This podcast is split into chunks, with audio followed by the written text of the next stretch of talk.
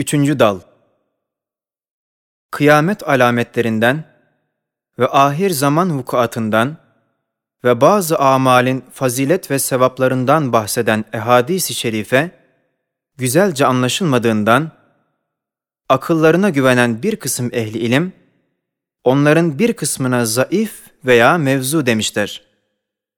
İmanı zayıf ve enaniyeti kavi bir kısımda inkara kadar gitmişler. Şimdi tafsile girişmeyeceğiz. Yalnız 12 aslı beyan ederiz. Birinci asıl 20. sözün ahirindeki sual ve cevapta izah ettiğimiz meseledir. İcmali şudur ki, din bir imtihandır, bir tecrübedir.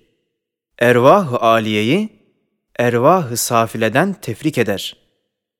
Öyleyse, ileride herkese gözle görülecek vukuatı öyle bir tarzda bahsedecek ki, ne bütün bütün meçhul kalsın, ne de bedihi olup herkes ister istemez tasdike mecbur kalsın.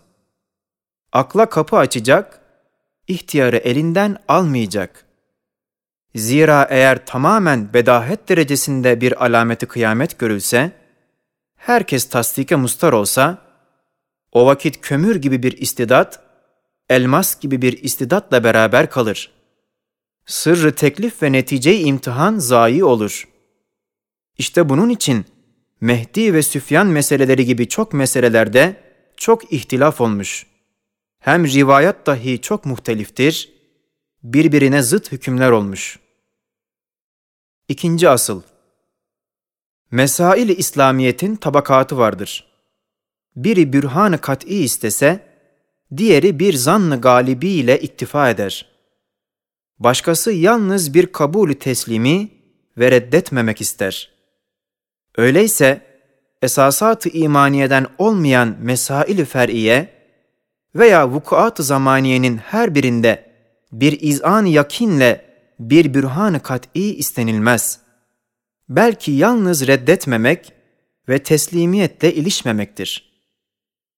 Üçüncü asıl Zamanı sahabede Beni İsrail ve Nasara ulemalarından çoğu İslamiyet'e girdiler. Eski malumatları dahi onlarla beraber Müslüman oldu. Bazı hilaf-ı vaki malumat-ı sabıkaları İslamiyet'in malı olarak tevehhüm edildi. Dördüncü asıl Ehadis-i şerife ravilerinin bazı kavilleri veyahut istinbat ettikleri manaları metni hadisten telakki ediliyordu. Halbuki insan hatadan hali olmadığı için hilaf-ı vaki bazı istinbatları veya kavilleri hadis zannedilerek zaafına hükmedilmiş. Beşinci asıl İnne fi ümmeti muhaddesun yani mulhamun sırrınca bazı ehli keşif ve ehli velayet olan muhaddisini muhaddesun ilhamlarıyla gelen bazı maani hadis telakki edilmiş. Halbuki ilham-ı evliya bazı arızalarla hata olabilir. İşte bu neviden bir kısım hilaf-ı hakikat çıkabilir. Altıncı asıl Beynen nas iştihar bulmuş bazı hikayeler bulunuyor ki, durub-ı emsal hükmüne geçer. Hakiki manasına bakılmaz. Ne maksat için sevk edilir, ona bakılır. İşte bu neviden beynen nas taarruf etmiş bazı kıssa ve hikayatı, Resul-i Ekrem aleyhissalatu vesselam bir maksadı irşadi için temsil ve kinaye nev'inden zikredivermiş.'' şu nevi meselelerin manayı hakikisinde kusur varsa, örf ve adat-ı nasa aittir ve tearüf ve tesamu-u umumiye racidir. Yedinci asıl Pek çok teşbih ve temsiller bulunuyor ki, mürûru zamanla veya ilmin elinden cehrin eline geçmesiyle hakikat-ı maddiye telakki ediliyor. Hataya düşer.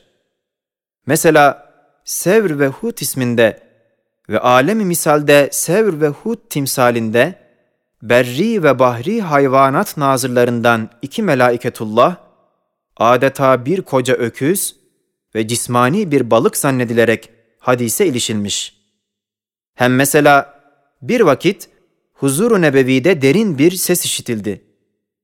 Resul-i Ekrem aleyhissalatu vesselam ferman etti ki, bu gürültü 70 senedir yuvarlanıp ta ancak bu dakika cehennemin dibine düşen bir taşın gürültüsüdür.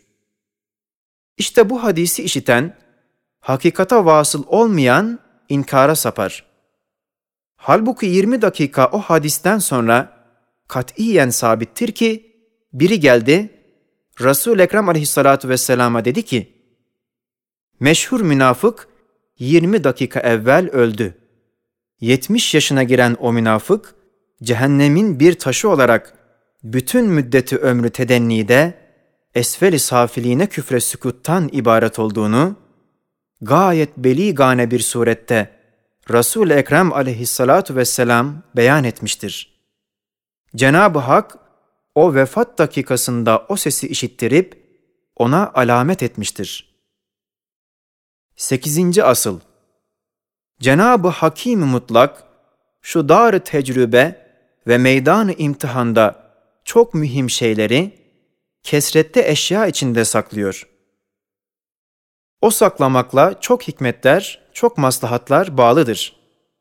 Mesela Leyle-i Kadri umum Ramazan'da, saat icabe-i duayı cuma gününde, makbul velisini insanlar içinde, eceli ömür içinde ve kıyametin vaktini ömrü dünya içinde saklamış.